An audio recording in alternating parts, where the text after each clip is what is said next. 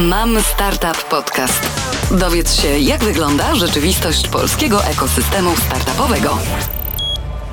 Cześć, nazywam się Damian Jemioło i jestem dziennikarzem portalu mamstartup.pl, a moim dzisiejszym gościem jest Andrzej Choroch, przedsiębiorca z Connected Realities. Cześć, dzień dobry. Cześć Andrzeju, dzisiaj sobie będziemy rozmawiać o wdrażaniu innowacji w firmach, ale konkretniej mam tutaj na myśli VR i wszystko co z tym związane, jednak dotyczący przede wszystkim przemysłu 4.0, no bo nie ma co ukrywać, że ta wirtualna rzeczywistość w przemyśle 4.0 się dosyć mocno rozwija i rozwija się w dużej mierze w aspekcie takim szkoleniowym. I chciałbym, żebyśmy właśnie sobie od tego dzisiaj zaczęli, czyli od tego od wirtualizacji szkoleń, bo mnie ciekawi, jak VR można ogólnie wykorzystywać w szkoleniu właśnie pracowników przemysłowych i co nam to wszystko umożliwia tak naprawdę? No słuchaj, to znakomity y, temat. W ogóle wirtualna rzeczywistość, rozszerzona rzeczywistość to są moje osobiste pasje.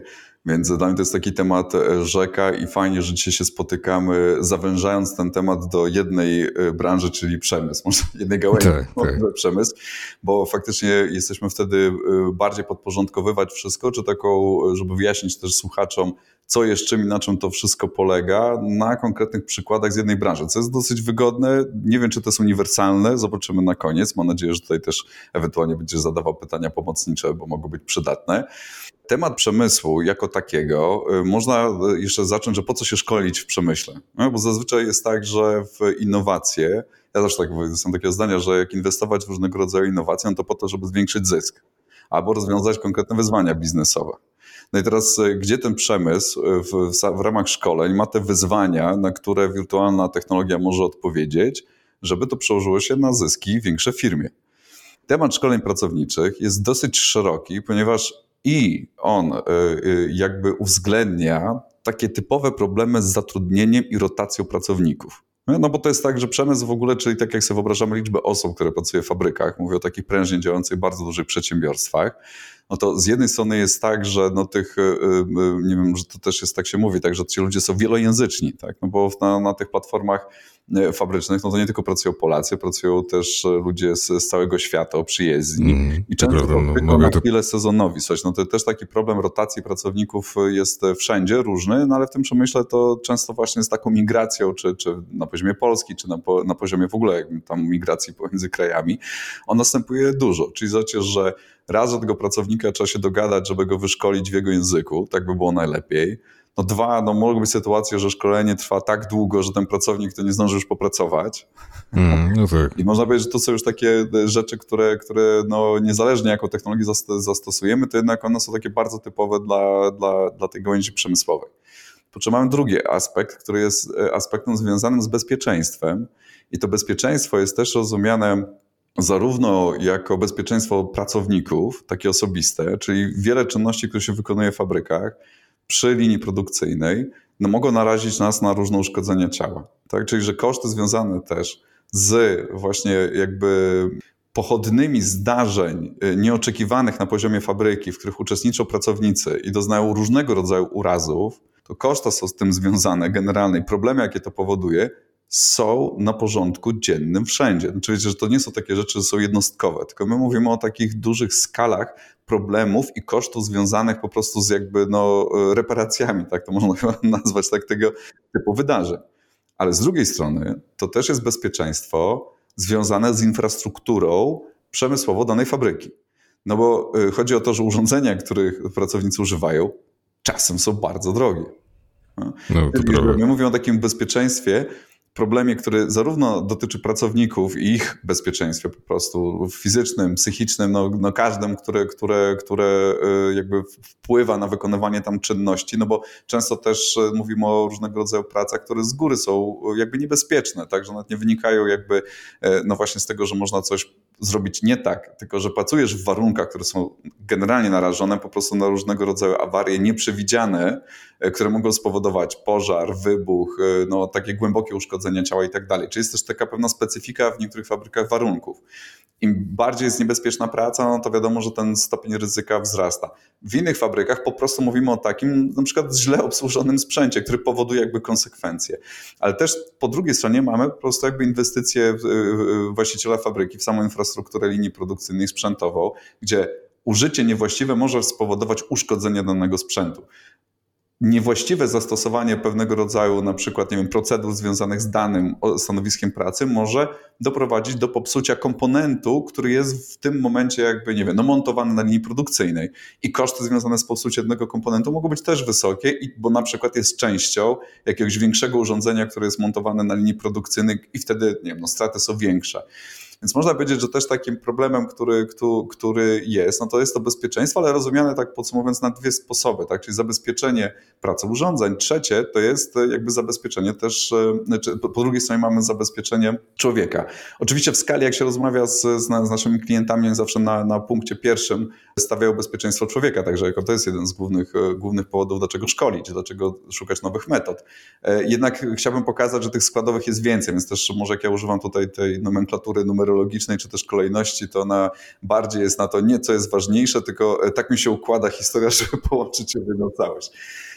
No i kolejnym tym elementem, który, który na tym jest, mówiliśmy o właśnie tej rotacji samych pracowników, porozumienia z nim, później drugie to jest to poczucie bezpieczeństwa, które w tym wszystkim daje. To po czym, gdzie w fabryce jest miejsce na odbycie takiego szkolenia i kto w zasadzie ma szkolić? I to jest olbrzymi obszar do zagospodarowania, ponieważ jakby są um, takie konsekwencje, że no, ja się szkolę zazwyczaj na linii produkcyjnej.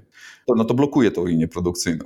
No, tak, no, no, no tak. Krótki link tak na zasadzie, czyli że za każdym razem jak muszę przeszkolić pracownika, no to muszę udostępnić mu pole na linii produkcyjnej z pewną infrastrukturą też e, jakby ludzką, to znaczy ktoś musi monitorować moje działania, ktoś musi to pokazać, ktoś wie wszystko w tej fabryce najlepiej, ma zazwyczaj takie kompendium wiedzy, które, e, które i ten pracownik nowy cieniuje, to też takiego jest takie, używać takiego sformułowania, że pracownicy cieniują się nawzajem, czyli ten nowy jakby cieniuje tego, który jest doświadczony. No i teraz można powiedzieć, że tak, no, wynik e, na e, poziomie fabryki e, zwiększenia produkcji musi się zgadzać, ale jednocześnie, czy tam zwiększać sukcesywnie, no bo też jakby każda fabryka, no im jest szersza infrastruktury, czy jest też siecią, no to też musi pewnego rodzaju mieć taki rygor spełnienia oczekiwań czy inwestorów, czy właścicielskich, tak w ogóle efektywności działania takiej fabryki.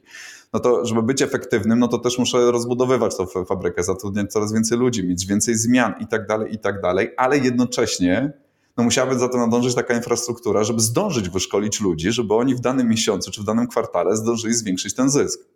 No i to jest też kolejny problem, no bo trzeba by powiedzieć tak, no to dobra, no to musimy mieć odpowiednią ilość osób szkolących i odpowiednią ilość jakby no tej przestrzeni do szkolenia. Co generalnie już jest schodami, bo fabryki, które mają bardzo dużo pieniędzy, no to tworzą w ramach takiej przestrzeni takie centrum szkoleniowe, gdzie są w stanie część maszyn krytycznych odtworzyć które są jakby zwolnione z tego ciągu linii produkcyjnej, no to tam można po prostu to przećwiczyć, tak, na zasadzie w sposób bezpieczny. No ale to jest też tak, no, że trzeba mieć na to miejsce, to są dodatkowe koszta. Jednak część urządzeń i maszyn nie da się odtworzyć i zduplikować takim centrum szkoleniowym, na przykład ze względu na gabaryty. No, no to chociażby, to jest pierwszy powód. Tak? Nie ze względu na gabaryty można się tylko szkolić na linii produkcyjnej, bo dane stanowisko pracy po prostu jest tak potężne, czy, czy, czy też wpływa na jakąś tam liczbę komponentów, które są z tym związane. I olbrzymi aspekt jest jak zwykle ludzki, to znaczy ludzi na fabrykach, którzy wiedzą wszystko, po ciemku, jak to się mówi. Także on wejdzie on po prostu z zamkniętymi oczami, jest w stanie wykonać wszystkie czynności. No to jest mało. To znaczy, że oni są cenni i są super zajęci. Nie, to, no to jest czas, żeby oni się rozdzielili na to, żeby jeszcze do tego szkolili, no to to jest ciężko, no bo oni wykonują swoją pracę, tak? No, że to są jakieś dodatkowe jeszcze funkcje, które gdzieś tam są. I to jest taka wiedza, którą można powiedzieć, ona jest unikalna, bo e, to fajnie też taki, taki know-how dam, że ona jakby płynie z takich dwóch komponentów, które stanowią idealnym świecie komplet szkoleniowy. Są procedury, które są spisane, które są przypisane do, do, danego stanowiska pracy, bo według nich też jakby pracownik wie, na co się decyduje, to jest to związane z umowami, z bezpieczeństwem BHP i tak dalej. I to jest jedno, to są te procedury. I drugi know-how to jest życie.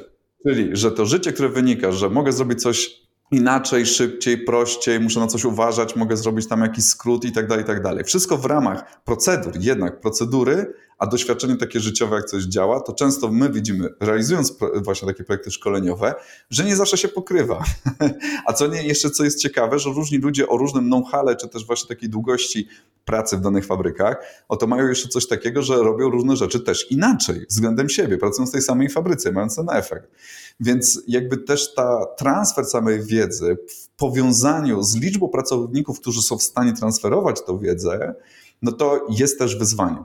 Dla wielu fabryk jest wyzwaniem. Czyli zobaczcie, że też e, ten przemysł 4.0, czyli w ogóle sama ta część edukacyjna, jak wiele ma wyzwań od ludzkich poprzez infrastrukturalne. No, mm. Jak wiele różnego rodzaju komponentów musi się jakby wytworzyć w, w, w, takiej, w takiej, mm, no właśnie, no w takiej tak naprawdę, w tej metodologii, żeby spełnić tak dużo różnego rodzaju oczekiwań. Są to ekonomiczne, to jest to BHP, to jest bezpieczeństwo, to jest dostęp do ludzi, to jest rotacja pracowników, to jest szybkość samego szkolenia i tak dalej, i tak dalej, i tak dalej.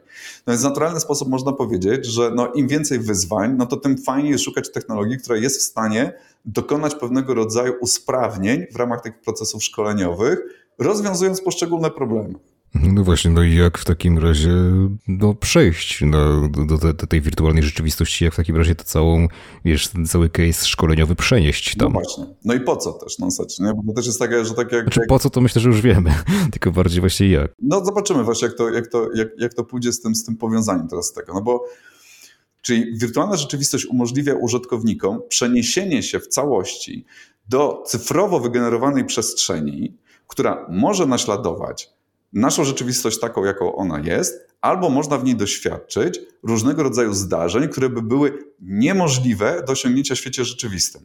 I dla przykładu, taki prezes, że to może być w takim razie fragment fabryki e, z przeniesionym cyfrowo, takim wizualnym bliźniakiem e, działającej maszyny czy linii produkcyjnej, gdzie pracownik może wykonywać te same czynności, co w świecie rzeczywistym, tak? czyli używać urządzenia, nie wiem, maszyn, jakichś mniejszych maszyn, czyli wszystkich tych komponentów, które stanowią pełne stanowisko pracy, jednak w totalnie bezpieczny sposób, tak? bo wszystko jest cyfrowe. No więc jakby bez takich konsekwencji, które można powiedzieć, że uszkodzę jakiś sprzęt, czy uszkodzę siebie, no ponieważ to jest symulacja cyfrowa.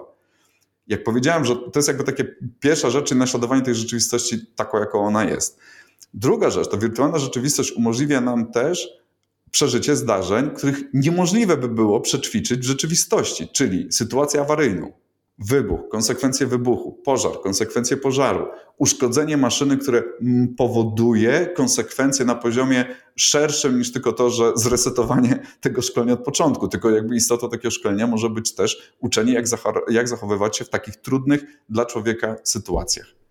Czyli wirtualna rzeczywistość umożliwia nam jakby trening, który nie musi się odbywać na poziomie fabryki przede wszystkim.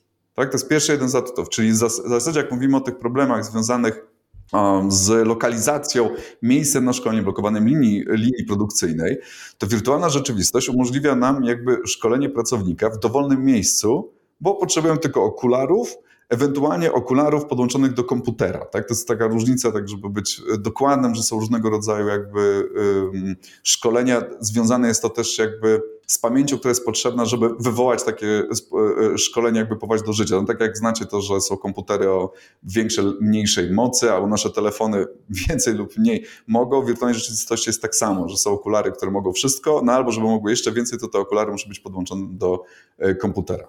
Czyli jak mam okulary na poziomie fabryki, to mogę szkolić się poza linią produkcyjną, w szatni, upraszczam, w sali konferencyjnej, stworzonym centrum, albo nawet mogę wypożyczyć te okulary do domu pracownika, co oczywiście jest rzadkością, bo to jest też bezpieczeństwo danych. Czyli jakby jedną z rzeczy, która jest dość wygodna, to znaczy, że już nie muszę e, jakby trenować na rzeczywistej maszynie, no bo mam ją odtworzoną w wirtualny, cyfrowy sposób jeden do jednego. Druga rzecz, że teraz to, co też wspominałem od początku, że problem językowy dobrze przygotowane szkolenie wirtualnej rzeczywistości może być wielojęzyczne.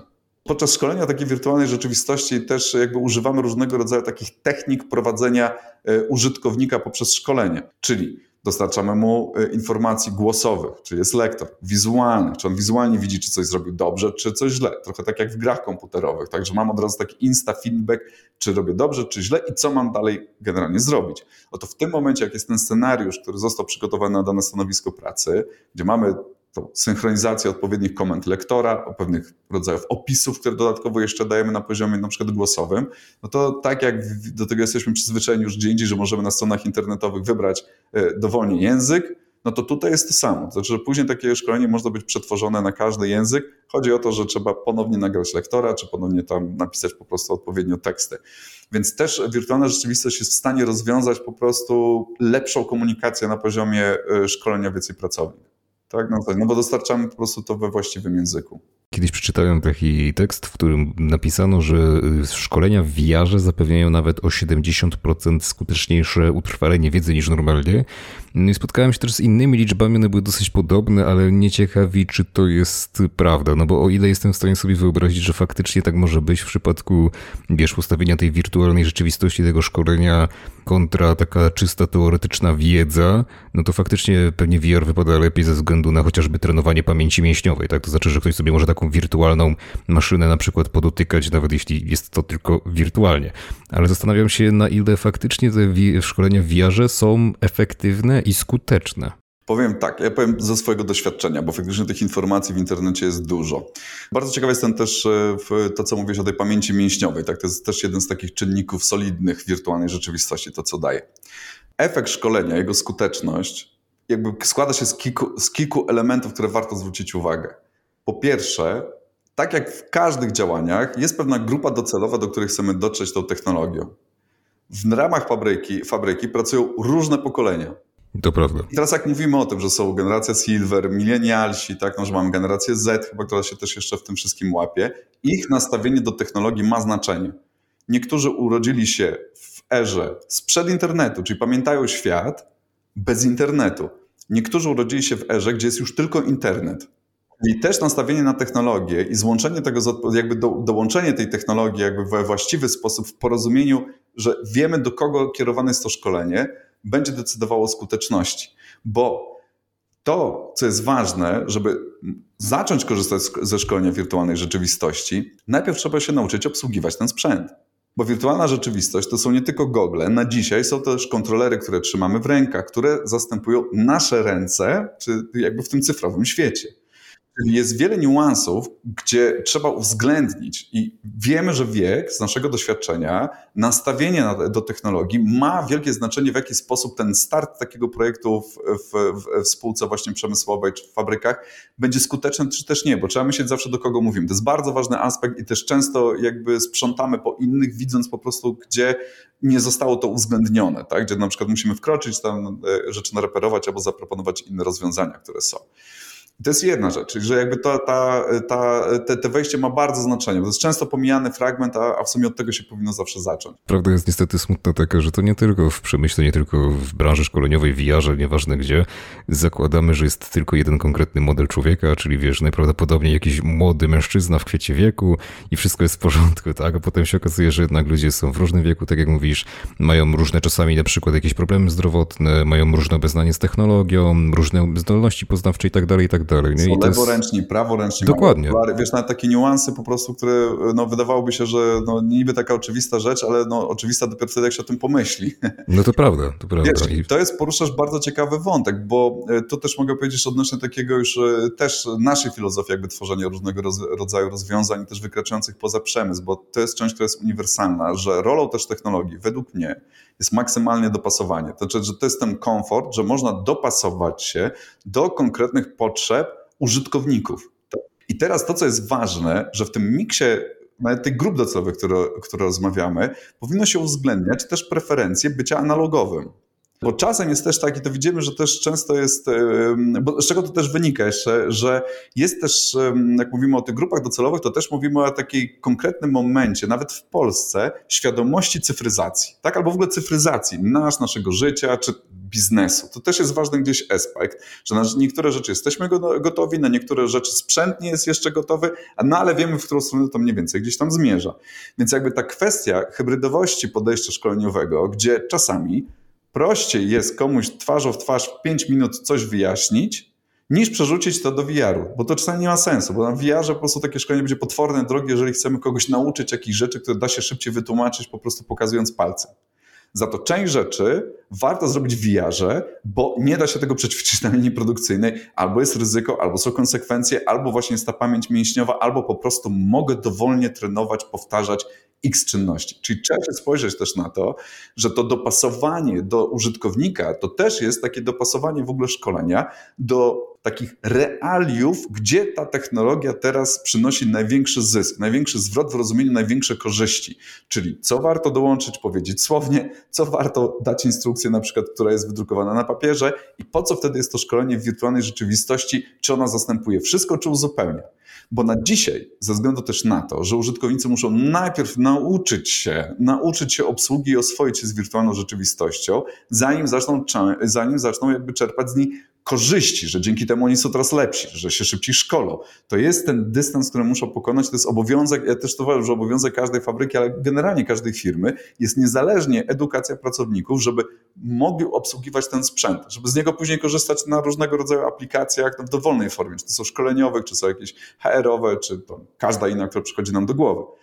Więc kwestia, żeby mądrego takiego podejścia też w tym procesie szkoleniowym, w którym momencie ta technologia zrobi największą różnicę i e, jakby jest w stanie zapewnić maksimum korzyści, bo kiedyś faktycznie wszystko będzie można wrzucić do tego VR-u, ale to też wymagałoby czegoś takiego, co znamy z naszego życia codziennego, że nikt z Was, albo mało już osób, zastanawia się, jak użyć telefon, smartfon. Nie? No po prostu klikam, dostaję, otwieram internet, aplikacja, wiem skąd pobrać aplikację. To, to się wydaje wręcz śmieszne, że można by w ogóle tak konstruować, że już nikt nie ma z tym problemu. Niektórzy mają, tak? ale to jest takie oczywiste zanim VR będzie tak samo oczywistością, że zakładam okulary i wiem, gdzie włączyć aplikację, albo co mogę w tym zrobić, to jest ta chwila adopcji tego sprzętu generalnie. Teraz mówimy o takim poziomie świadomości cyfrowej generalnie, tak? że śledzimy wszystkie trendy, jakie rozwiązanie stanie się takim też no, generalnie rynkowym, trochę na poziomie jak telefony, komputery, żeby można było wtedy jakby łatwiej też e, rozpocząć proces szkoleniowy, bo teraz on musi też uwzględniać szkolenie z samej technologii po to, żeby przeszkolić się z danego stanowiska pracy. No wiesz co, to pogłębmy troszeczkę ten temat, bo mnie to ciekawi w takim razie, jak to wygląda na przykład od takiej strony czysto finansowej, bo tutaj mówisz też o tym aspekcie, on jest również uważam bardzo ważny, czyli szkolenie samego używania mm, tak naprawdę samych tych gogli VR i w ogóle całego, całego sprzętu do VR-u i ja to doskonale rozumiem z tego względu, że no, znaczy wydaje mi się, że to w zasadzie każdy z nas powinien rozumieć, bo my wszyscy przecież mamy w naszym otoczeniu jakieś osoby starsze, jakieś osoby, które nie są do końca takie, no, tak jak na przykład Zetki, właśnie tutaj wcześniej przytaczane przez ciebie Digital Native. Ja na przykład pamiętam, jak było mi trochę trudno nauczyć mojego dziadka chociażby obsługiwać laptopa, tak? No to mnie to się wydawało oczywiste, bardzo proste i wiesz, na przykład używałem takich zwrotów jak kliknij. I mój dziadek się mnie pytał, co to znaczy tak, kliknij? Tak, tak kurczę, myślę, co ja mam mu powiedzieć? Jak, jak mu, mu wytłumaczyć? Kliknij, no to znaczy naciśnij, nie? Ale właśnie, wiesz, to są takie zwroty, które nam się wydają bardzo oczywiste, normalne, naturalne, natomiast faktycznie niektóre osoby mogą mieć z tym trudność i ja też widziałem wielokrotnie wśród osób starszych, czy takich mniej obeznanych z technologią, że oni się na początku po prostu wręcz boją. Nie? Boją się gdzieś z tą technologią troszkę obcować, obawiając się tego, że sobie nie poradzą, że coś się zepsuje, że ktoś będzie, no nie wiem, na nich zły, wściekły, cokolwiek. No ale dobrze, no to jakby już tak dochodząc do, do tego konkretnego pytania, to właśnie jak wygląda to od tej strony takiej finansowej i o czym jeszcze przemysłowiec musi w ogóle pomyśleć, zanim takie szkolenie zacznie przeprowadzać? To znaczy, wiesz, od początku do końca chce, załóżmy, przeszkolić kogoś z obsługi, no, załóżmy CNC, tak? I co ja muszę zrobić, ile muszę po prostu wydać, żeby taką grupę wziąć i wprowadzić faktycznie w ten świat? To jest tak, jest kilka składowych w ogóle na zasadzie całości, bo jak, jak zazwyczaj to no, jakby ta cała technologia, ona ma kilka składowych i też taki proces decyzyjny, który jest stricte powiązany, który musi nastąpić na początku, żeby wybierać właściwe rozwiązania. Fajne jest to, że sprzęt Y, w ogóle gogle do wirtualnej rzeczywistości są dostępne na rynku w prosty sposób. Czyli warto wiedzieć, że możesz to kupić w MediaMarkt, tak upraszczam. Tak jakby to, te, te, te, te nazwa firmy to oczywiście randomowa, która przychodzi do głowy, ale to jest tak łatwo i dostępne. Rzecz, która warto wiedzieć, że okulary są różne i właśnie, że można kupić takie okulary, które są y, y, do 3000 zł i będą fenomenalne, no ale później jak patrzysz na ten rynek, to nagle są okulary za 5 tysięcy, za 7 tysięcy, do tego trzeba dokupić komputer, który kosztuje 5 tysięcy, licencję na oprogramowanie i tak dalej. Sprawy zaczynają być no, można powiedzieć, że takie, że no, te, te, te proces wejścia, znaczy na poziomie dużych fabryk, czy w ogóle inwestycji IT, no to to nie są jakby przerażające kwoty, tak, no bo te systemy, serwery, jakieś inne rzeczy, które są tam, no to w ogóle mają jeszcze większe ceny. Ale chodzi o to, że można jakby tak na starcie ustawić, że trzeba tutaj, żeby ktoś doradził, to które okulary wystarczą i tu fajnie jakby ufać już z agencji, z którą się rozmawia, do którego, gdzie jest ten scenariusz jakiś już powołany do życia, pierwszy, co się chce osiągnąć, żeby dobrze dobrać sprzęt, bo to nie musi być ten najdroższy. Po prostu każde okulary mają pewnego rodzaju specyfikację odnośnie specyfikę jakości widzenia, e, czyli że niektóre są starsze, niektóre są jakby młodsze, tak, że są różne niuanse, które, które mogą spowodować e, w, różnice na wyborze. Za to takie okulary do 3000 swobodnie wystarczy. Nie, to, to jest tak z naszego doświadczenia, po prostu jest, mamy kilka NASA też takiego, nie chcę faworyzować, ale, ale ta półka cenowa swobodnie może wystarczyć na start. Dobre jest to, że część związaną z nauki, jak korzystać z takich okularów, chcą też rozwiązywać producenci okularów. Czyli często można znaleźć, i to jest takie w większości, tak? Na zasadzie można powiedzieć, że są aplikacje, które są już zainstalowane na takich goglach wirtualnej rzeczywistości, które uczą, jak korzystać z kontrolerów, uczą, jak korzystać z wirtualnej rzeczywistości. I od takich rzeczy, że na przykład, co jest też ciekawe zawsze, że czasami właśnie trzeba jakby głosu z boku, żeby aktywować pewną czynność. Y, często na targach, na pierwszych prezentacjach, jak tam właśnie jesteśmy u klientów, zakładamy komuś gogle w VR-ze i oni widzą na przykład fabrykę i oni się patrzą y, tylko prosto. Dlatego, bo jesteśmy przyzwyczajeni do tego, że oglądamy coś statycznego na komputerze, na telefonie, no to patrzymy wprost, no i to widzimy. I nasz mózg na początku, jakby on jakby nie rozumie jeszcze, co widzi, tak? Bo jesteśmy pierwszy raz, na przykład niektórzy pierwszy raz zakładają na Google. No w głowie, ja mówię, słuchaj, a porusz głową. I nagle jest, o kurczę, że można się tutaj rozglądać. To kompletnie nie jest oczywiste. Mózg musi się nauczyć, że, że to, co widzi, jest trójwymiarowe, tak? bo on jeszcze tego nie rozumie, jakby nie czuje tego. Musi dostarczyć, jakby do mózgu musimy dostarczyć pewnego rodzaju zmienne punkty, które on sobie połączy w jedną całość.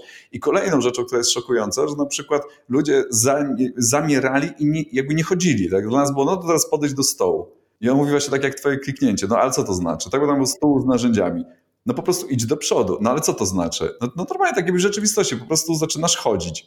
I ktoś zaczyna chodzić z tymi goglami, mówi, o kurczę, nie? że to jest takie odkrycie, że można się poruszać. Czyli jest ta część taka, gdzie właśnie te, te punkty w mózgu muszą się nauczyć, rozumieć, czym jest bycie w przestrzeni trójwymiarowej, co to oznacza, tak? Na zasadzie, żeby zobaczyć też, jakie są możliwości, że w zasadzie mówimy o tych samych realiach, które są w świecie. Tak jak poznajemy świat naokoło, no to w ten sam sposób no, możemy poznawać tą cyfrową rzeczywistość, ale musimy jakby się y, jakby przez to przejść. No więc takie aplikacje, które uczą w ogóle tego rodzaju zachowań, są często też jakby kompedium takim bardzo atrakcyjnym, który już jest zainstalowany na okularach, więc pracownik może najpierw zacząć się szkolić na, na poziomie takiej aplikacji, gdzie gra w jakąś grę, która edukuje go właśnie do tego, żeby mógł tam operować w tej przestrzeni. Niektóre firmy wydają właśnie na kustomizowane szkolenia ze szkolenia i też mam takie realizacje na koncie, bo wolą, żeby to się odbywało na poziomie fabryki. Za to generalnie no to jest yy, szukam jakiegoś właściwego sobie. Można tak, ale też po prostu jeżeli szukamy na wstęp oszczędności, bo chcemy spróbować, to takie aplikacje jakby są Teraz, kolejnym etapem, który e, jakby jest kosztorysowany, to jest dostępność plików, które posłużą nam do odwzorowania środowiska fabryki czy tego stanowiska pracy na poziomie okularów wirtualnej rzeczywistości. I to robi się ciekawie, bo no, niektóre fabryki mają stary sprzęt. No, nie ma do nich plików, takich, wiecie, tak jak są pliki, nie wiem, architektoniczne albo właśnie pliki takie trójwymiarowe, no bo ktoś kiedyś zaprojektował dane urządzenie, no i na podstawie tego zrobiono formę i później ją wyprodukowano, tak? No i z tego się ktoś to zmontował, jest tam ten, są jakieś rysunki techniczne i inne rzeczy. No ale niektóre fabryki, no po prostu te mają sprzęt, który tam jest, no w latach, takich grubych latach mierzony to jak to przenieść do, do, do, do wirtualnej rzeczywistości. No a drugie na przykład jest tak, że są opera- znaczy fabryki, które operują na nowoczesnych sprzętach, na nowoczesnych rozwiązaniach, gdzie można od producentów tych sprzętów, które stanowią właśnie, czy tam są wkrętarki, czy to jest właśnie jakieś konkretne jakby stoisko pracownicze, które było zbudowane na zamówienie, ale no teraz jak projektujemy coś, to projektujemy też już to na komputerach w 3D, tak? Ci ludzie, którzy projektują te urządzenia, więc możemy dostać do tego pliki. No i teraz tak, te pliki służą do tego, żeby odtworzyć to później cyfrowo w wirtualnej rzeczywistości. Trochę tak jakbyśmy tworzyli taką grę komputerową, tak? Na zasadzie, że ona musi mieć jakąś przestrzeń, musi mieć sufit, podłogę, no to jest, no wiadomo, jakaś, jakaś fabryka, no i po czym musi być ten konkretny sprzęt.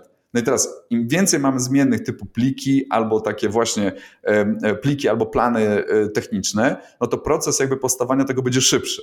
Jeśli musimy, nie ma żadnych plików, to musimy zrobić dokumentację. Dokumentację, znaczy musimy pojechać do fabryki, część rzeczy zeskanować, część rzeczy obfotografować i ten proces co ciekawe, nie jest jakoś super zautomatyzowany w naszym tym cyfrowym świecie. Mówię o ludzi, którzy dostarczają tego typu rozwiązań. Tak? Bo nie ma takiej złotej tam różdżki jeszcze, no, ani żadnej sztucznej inteligencji, która jest w stanie poprowadzić ten proces, że nagle się samo to wybuduje. Tylko trochę to przypomina taką pracę rzeźbiarza, że są, są specjaliści, którzy są bardziej właśnie grafikami 3D, którzy rzeźbią na wzór tego, co widzą, czy na podstawie plików, czy na podstawie po prostu skanów, czy na podstawie zdjęć, starając się odtworzyć trójwymiarowo wszystkie elementy, które są. No i teraz, żeby było tego e, mało, no to później te wszystkie elementy, które złożą się w końcu w to cyfrowe stanowisko pracy, muszą działać w ten sam sposób, co w rzeczywistości. Czyli, że muszą mieć tą samą motorykę, że można je podnieść do góry, upuścić, wcisnąć przycisk, przesunąć i tak dalej, i tak dalej. No i wtedy wkraczają już programiści, którzy uruchamiają tą daną maszynę, że ona działa e, e, jakby w tej przestrzeni wirtualnej rzeczywistości. No i teraz zobaczcie, że tak, jeden koszt no to będzie, czy prosto czy trudno jest powołać y, y, to stanowisko pracy cyfrowe? Czy mamy pliki, nie mamy plików, czy musimy skanować, czy wystarczą nam zdjęcia, jak bardzo chcemy naśladować rzeczywistość, na ile coś może być umowne. No i teraz no, tutaj można powiedzieć, że ta składowa to, no, to może kosztować 10 tysięcy, a to może kosztować 20 tysięcy, a może kosztować znacznie więcej. Tak? Ale generalnie jest to jakiś budżet, który, który jest stałą kosztem budowania szkolenia wirtualnej rzeczywistości. No?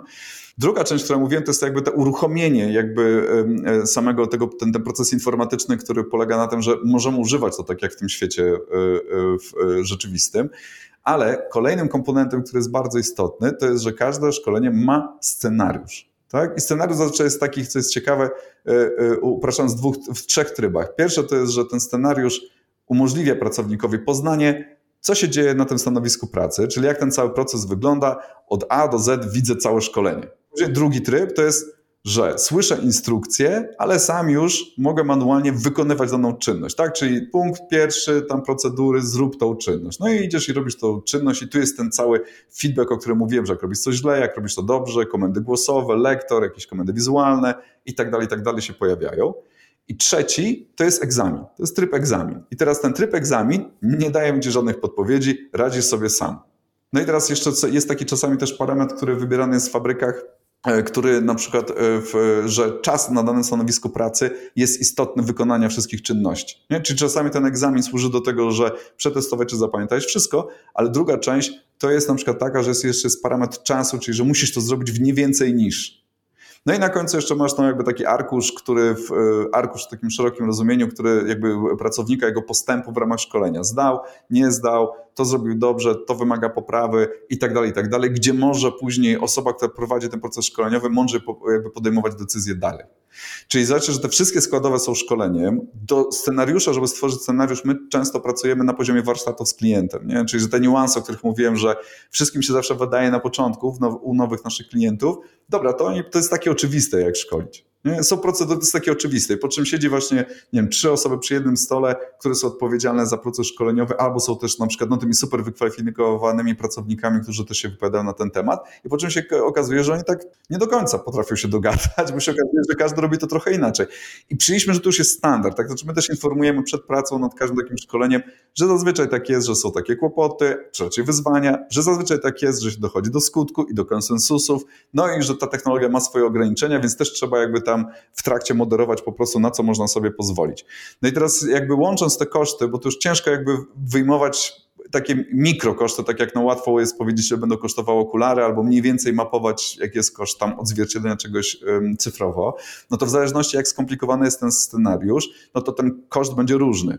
Można mieć szkolenie za 30 tysięcy i można mieć szkolenie za każdą wyższą kwotę. Szkolenia, które też sięgają kilku stanowisk pracy, przekraczają kwotę na przykład 100 tysięcy złotych i masz ileś tam stacji na przykład. Więc bardzo ważne jest taką specyfikę poznać, czyli środkując, fajnie mieć budżet pomiędzy 30 a 60 tysięcy na start, żeby zrobić szkolenie, które jest wartościowe, pełnowymiarowe i jakby zapełnia jakby ten scenariusz od A do Z tak, na zasadzie. Nie spotkaliśmy się z rzeczami, które, które robiliśmy taniej.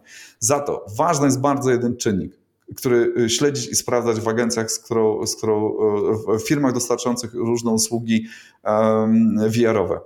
My, jako agencja, robimy rzeczy szybciej, ponieważ mamy własną platformę, gdzie systemy szkoleniowe, skróty, które mówię, komunikacja, język, pewnego rodzaju framework jest zawsze ten sam. Dostaliśmy na to dotację z programu akceleracyjnego, czyli zbudowaliśmy sobie jakby całą tą platformę, która umożliwia jakby skuteczne szkolenie, gdzie my de facto jakby wrzucamy ten scenariusz w gotowe środowisko, żeby, czyli robimy rzeczy szybciej, robimy rzeczy, które są po prostu już gotowe, nie eksperymentujemy, tak, na zasadzie. Tak samo jak właśnie te wszystkie metodologia śledzenia jakby postępów pracownika, wypływania tych danych, o tym pracowniku, które, które są i tak dalej, czy też, co jest ważne w fabrykach, jakby roz, umieszczenie takiej platformy w strukturach IT, tak, czyli bezpieczeństwo, czy, bo to jest też strasznie ważne, czy, czy, czy, można z daleka wysłać jakiś plik, często jest to w ogóle niemożliwe, tak, na, na zasadzie, czy nie, czy one mają działać w jakiejś tam sieci zewnętrznej. To też jest ważne, żeby zawsze odpytać po prostu waszych dostawców, to co oni mają, czy oni robią wam od zera, czy generalnie szkolenie, czy jest tak, że mają infrastrukturę, z którą można skorzystać. To jest bardzo ważny czynnik, bo on też spowoduje, że koszty powołania do życia takiego szkolenia są tańsze. Druga rzecz jest taka, że robiąc kilka szkoleń, e, mając już know-how, scenariusz właśnie, czy zamawiając kilka szkoleń pod rząd zawsze wyjdzie taniej. To tak trzeba o tym pamiętać po prostu, bo jest uruchomiony proces, bo są uruchomiony jest ten proces cyfryzacji, gdzie no, robiąc coś pod rząd u nas na linii naszej produkcyjnej, tej, tej, tej, tej cyfryzacji sprzętu jest coś taniej niż jeżeli otwieramy ten projekt i zamykamy kilkukrotnie. Za to warto wiedzieć też, że dobrze przygotowany projekt e, i to też właśnie, no jeżeli, jeżeli e, czy to jest umówione na starcie, on umożliwia późniejsze update. Bo to jest też jedno takie pytanie, które często po, od razu słyszę od klientów na wstępie. Dobra, u nas procesy szkoleniowe zmieniają się na przykład co pół roku, bo zmienia się sprzęt albo zmieniła się śrubka, to co wtedy? I część rzeczy można osiągnąć, że e, nasi klienci mogą z poziomu CMS poprawiać sobie sami, tak jak, nie wiem, strony internetowe mają CMS, co umożliwia, że możesz sobie zmienić teksty na stronie internetowej, takie najbliższe skojarzenie. To tutaj w takim szkoleniu VR-owym na przykład, że można zmienić pewnego rodzaju komunikaty, czy podać inny komunikat, który jest wyświetlany na poziomie na przykład tekstu, tak? Albo są pewnego rodzaju wgrywanie też plików 3D, które nasi klienci mogą robić samodzielnie. Ale część rzeczy wymaga wtedy z powrotem kontaktu do agencji, żeby zmieniła, tak? Jeżeli na przykład proces ten szkoleniowy znacząco się zmienił jakby tam no, jakby jest jakaś taka ingerencja, która wymaga szerszej poprawy. My często patrzymy na, na, na rozwiązania technologiczne, czy budujemy sobie też takie wyobrażenia, jeśli nie znamy tego, tego, tego procesu w ogóle, który jest ciekawy, jakby wprowadzania takich innowacyjnych rozwiązań czy pracy w tym środowisku wirtualnej rzeczywistości do firm, to mamy trochę tak jak z takich filmów Iron Manie, nie? że coś się kliknie i działa. A my jesteśmy przyzwyczajeni do niezawodności Microsoftu. Klikam, włącza się, albo tam innych aplikacji, to się od razu dzieje. Wydaje nam się, że te wszystkie rzeczy są tak proste.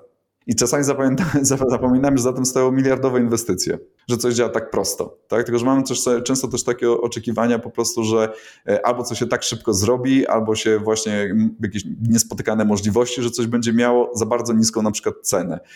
E, I to są takie rzeczy, no, że to nie, nie dotyczy może tylko w ogóle jakby VR-u, tylko generalnie jak zamawiam, to każdy z nas by chciał, żeby to miało najwięcej możliwości jak najtaniej. No i wtedy jak są te systemy, to faktycznie można jakby e, odpowiadać na, na takie potrzeby, tak? No bo są jakby podwaliny do tego, żeby e, robić rzeczy na skróty. Ważno wiedzieć, że czasu się nie oszuka, tak? Często, więc fair jest zakładać, że proces powstania takiego projektu od zera to jest trzy miesiące.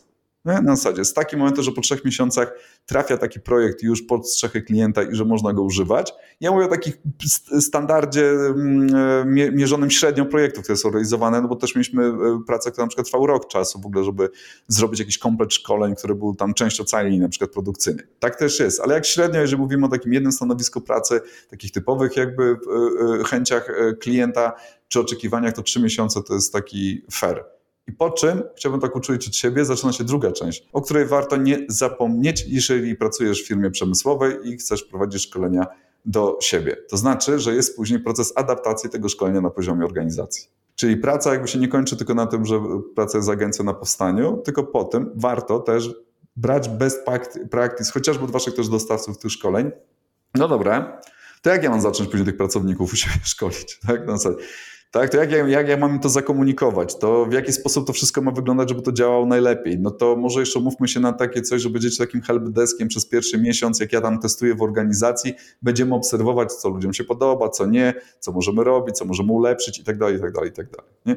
Czyli, że też ponieważ korzystamy z rzeczy, które są powołane do życia właśnie no, nowe, czyli takiego szkolenia wcześniej nie było e, w organizacji, wcześniej nie było takich procesów szkoleniowych, to za pierwszym razem no jest trochę więcej energii, które trzeba w to włożyć, no bo wszyscy muszą mieć pewnego rodzaju know-how, który staje się standardem. I tak jak my mamy standard pracy dostarczania tych szkoleń, i według tego standardu pracujemy z klientami, według tego standardu podpisujemy umowy, według tego standardu przewidujemy, co można, co nie, jakby ubezpieczamy interesy klienta na każdym poziomie jakby trwania projektu, żeby on rozumiał i czuł się bezpieczny w podejmowaniu decyzji w środowisku, w którym on nie ma know-howu, tak? bo to jest bardzo trudna rzecz, to może działać rykoszetem, tak? ktoś coś źle zrozumiał i po czym, ach kurde, to miało być tak i w ogóle trzeba coś wycofywać się albo dogadywać się na nowo. To są trudne rzeczy, więc też ubezpieczamy jakby cały ten proces, ale są pewnego rodzaju standardy. Tak mogę już powiedzieć, że są standardy, jak wprowadzić skutecznie taki projekt VR-owy do organizacji. nie? żeby oddać go w ręce pracowników. W takim razie mógłbyś troszeczkę poszerzyć te, te kwestie, co to są za standardy. No to wiesz,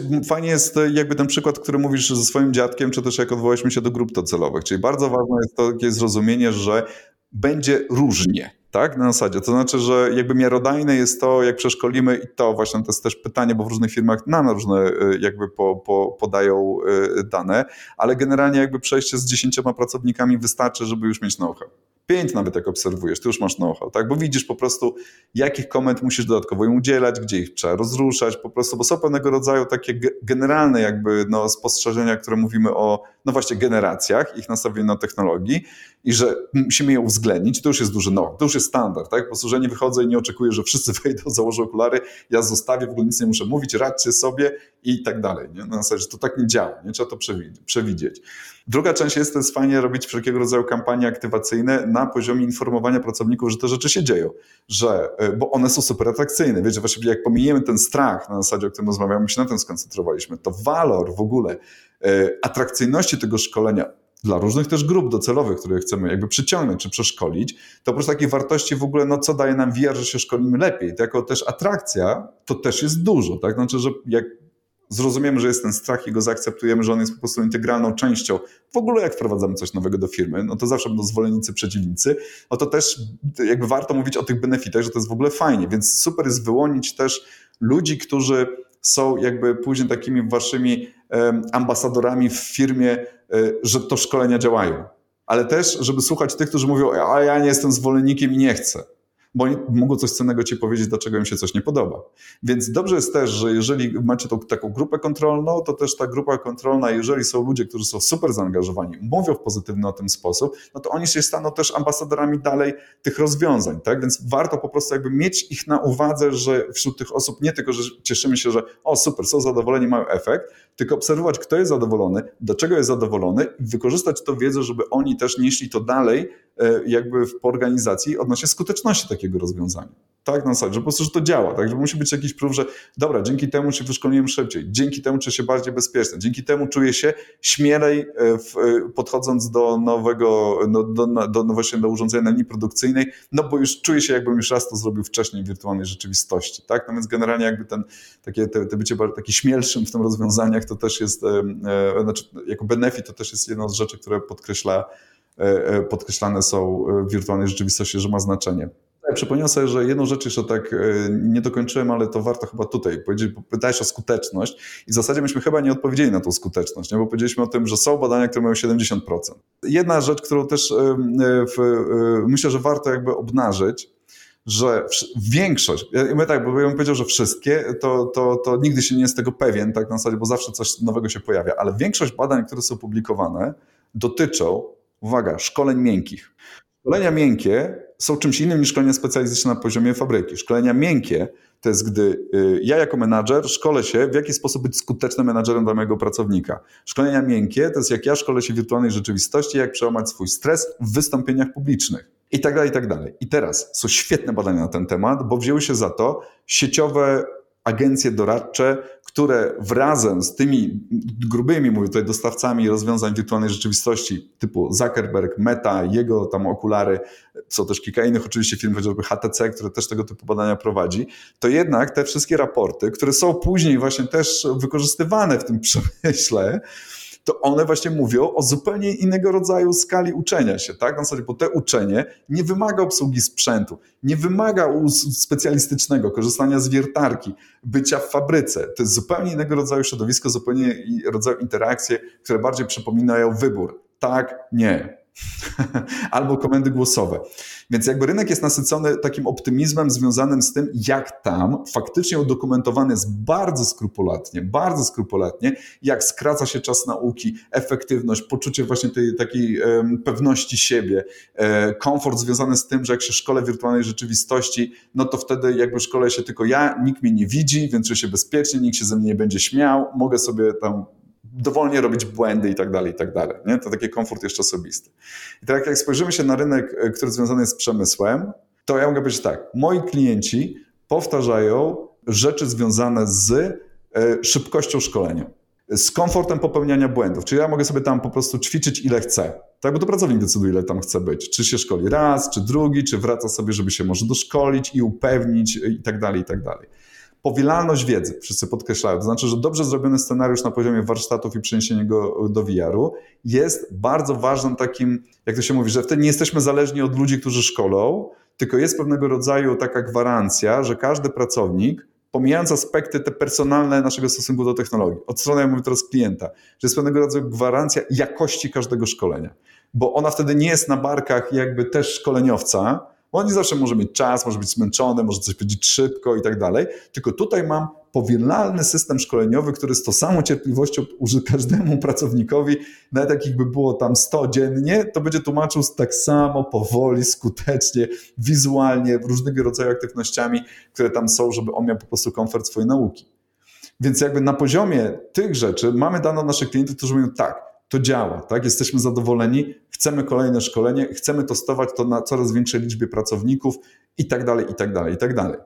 Za to nie spotkałem się, słuchajcie, z raportem, który by zebrał wszystkie dane z iluś tam fabryk, po prostu, gdzie powstał piękny raport. Ja miałem ambicję taki raport zrobić, może uda mi się e, jakby faktycznie doprowadzić do końca, że skrzykniemy zarówno klientów, jak i dostawców i jeszcze może gdzieś tam właśnie w, na, na, poziomie takiego też, żeby to badanie było neutralne, czyli że też pod auspicjami któregoś z uniwersytetów albo z jednostki badawczej, która jest w stanie po prostu zebrać odpowiednio te dane, bo to byłoby ciekawe, także faktycznie jest raport, który mówi konkretnie na temat o przemyśle 4.0, a nie właśnie, że to, co jest często, że też to używane jest jako trik i też na to trzeba uważać, tak po prostu, że dane z szkoleń specjalistycznych, znaczy nie właśnie specjalistycznych, tylko z miękkich, są jakby, dokumentują szkolenie specjalistyczne przykład tam w ogóle nie ma tej mechaniki, która jest ważna, czyli obsługi kontrolerów, obsługi sprzętu i tak dalej, więc są różnice, więc warto też po prostu patrzeć na portfolio klientów, które mają też dostawcy, jak kto im zaufał, kto powieli wrócił po kolejny kontrakt, generalnie spróbować samemu, bardzo zachęcam do tego też, ale jeśli nigdy tego nie robiłeś,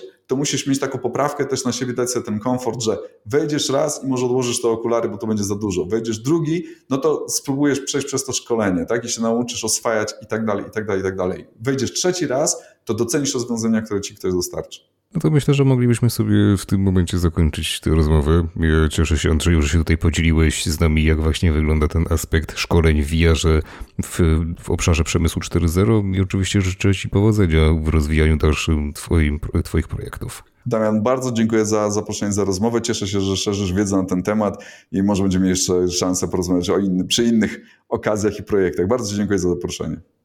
Ja nazywam się Damian Jemioło, ze mną był Andrzej Choroch z Content Realities, a Connected Realities, a was wszystkich zapraszam na mamstartup.pl. Trzymajcie się i cześć.